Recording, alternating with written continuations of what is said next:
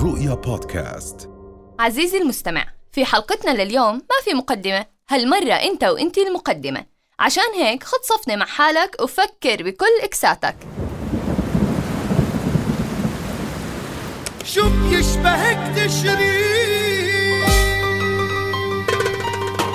من الطبيعي إنك هربت هروب الفئران في مرحلة من مراحلك العاطفية وحسيت بالحرية بعد ما كانت الغيرة القاتلة بالعلاقة مسكرة عليك زي الدورية. وعدت الأيام وقويت البنت اللي كان قلبها حطام وأنت وقعت في فخ الآلام. ما تستغرب من هالكلام. ما أنتوا قوم الذكورة هيك مقويين قلبكم في البدايات وآه من وجع الذكريات في النهايات. أوه أوه يا زمان.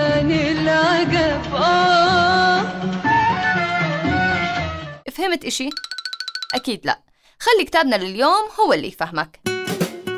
كتابنا اليوم بعنوان موعد مع الضجيج وعشان تخاف عزيزي المستمع اليوم اللي معنا مش كاتب هي كاتبة فتاة يعني. اللي مش راح يتم الإعلان عن اسمها إلا في نهاية الحلقة كنوع من السسبنس اللي ما إله داعي. خلينا قبل ما نحكي عن مضمون الكتاب نحكي عن اسمه ونفسر ليش الكاتبة اختارت هالاسم.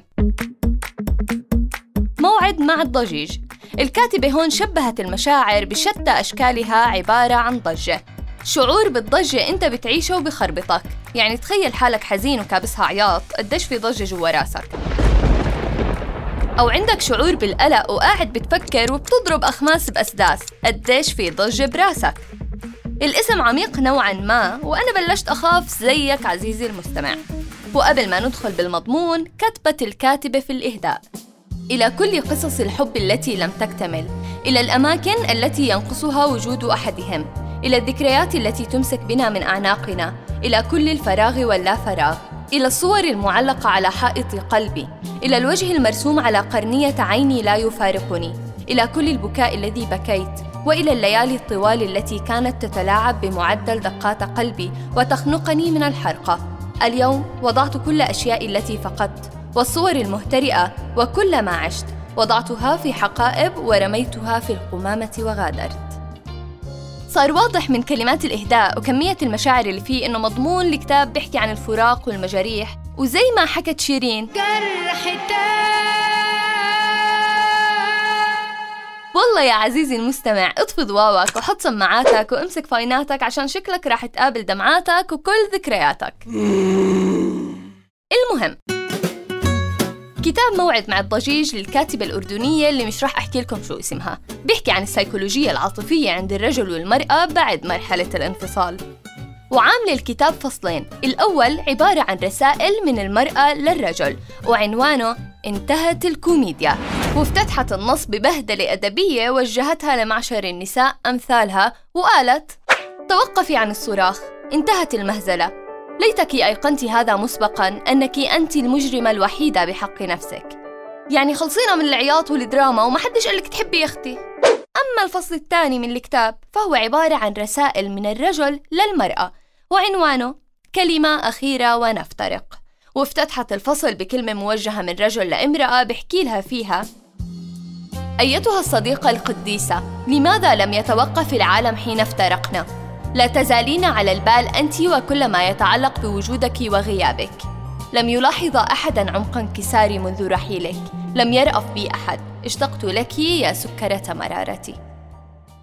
بإختصار كتاب موعد مع الضجيج بيوصل رسالة للقارئ يا عزيزي المستمع بأنه في العلاقات العاطفية دائما الرجل بيكون مخنوق وبدور على الحرية من هالعلاقة اللي ربط حاله فيها بناء على مشاعره ولما يختار الانفصال ويهرب من العلاقة ويختفي وكأن شيئا لم يكن بيكون وقتها حاسس بالحرية زي اللي إجا الفرج ومن قفص الحب خرج.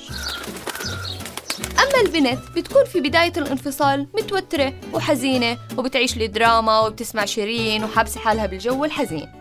بس رجعت الكاتبة بعد ما عملت دراستها على الحالة النفسية للطرفين اكتشفت الاكتشاف الفتاك وطلع معها إنه بعد فترة البنت بتتجاوز الألم وبتنسى وبتتعايش مع عدم وجود حبيب النضوة. بتعرف يا عزيزي المستمع أنا وإنت سناقل بائسين حزينين مش عارفين مشاعرنا وين حاطين. بس أكيد راح نكون معجبين بالمحتوى زي ما جميع قراء هذا الكتاب معجبين. ومن الأشياء اللي حبوها الناس اللي قرأوا هذا الكتاب هو دمج اللغة العامية مع الفصحى في بعض النصوص وفي نص من النصوص دخلت اللهجة المصرية في النص. ويا حبيبتي يا مصري يا مصر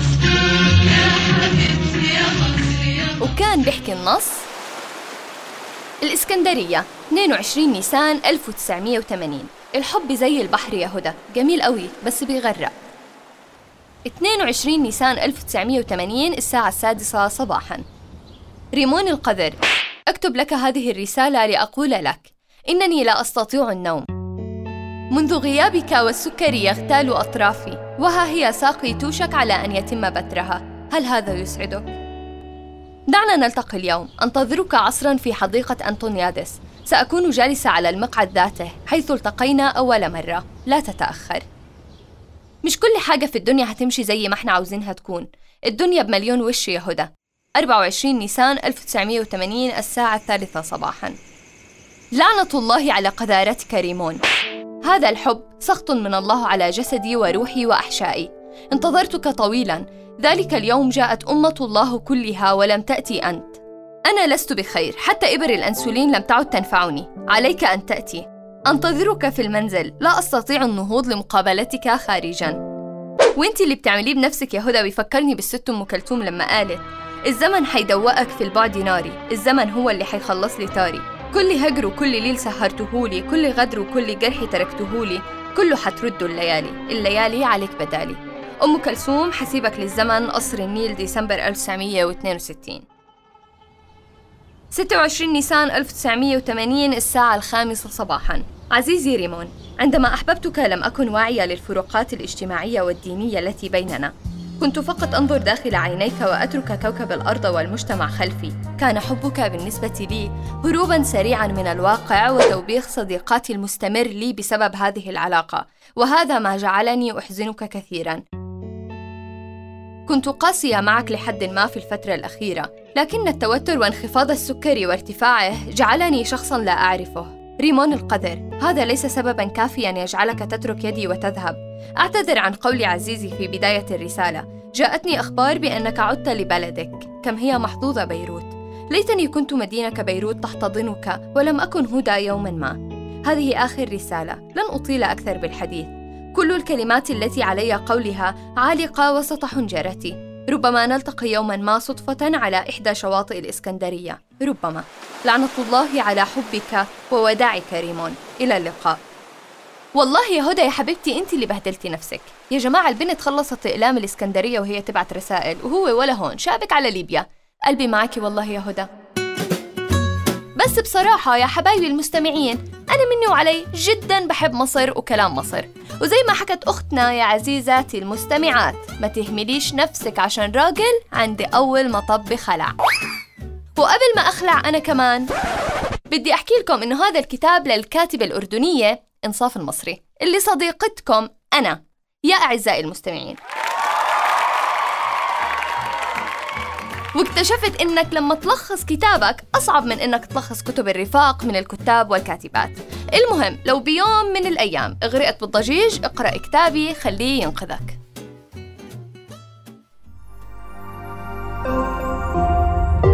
رؤيا بودكاست.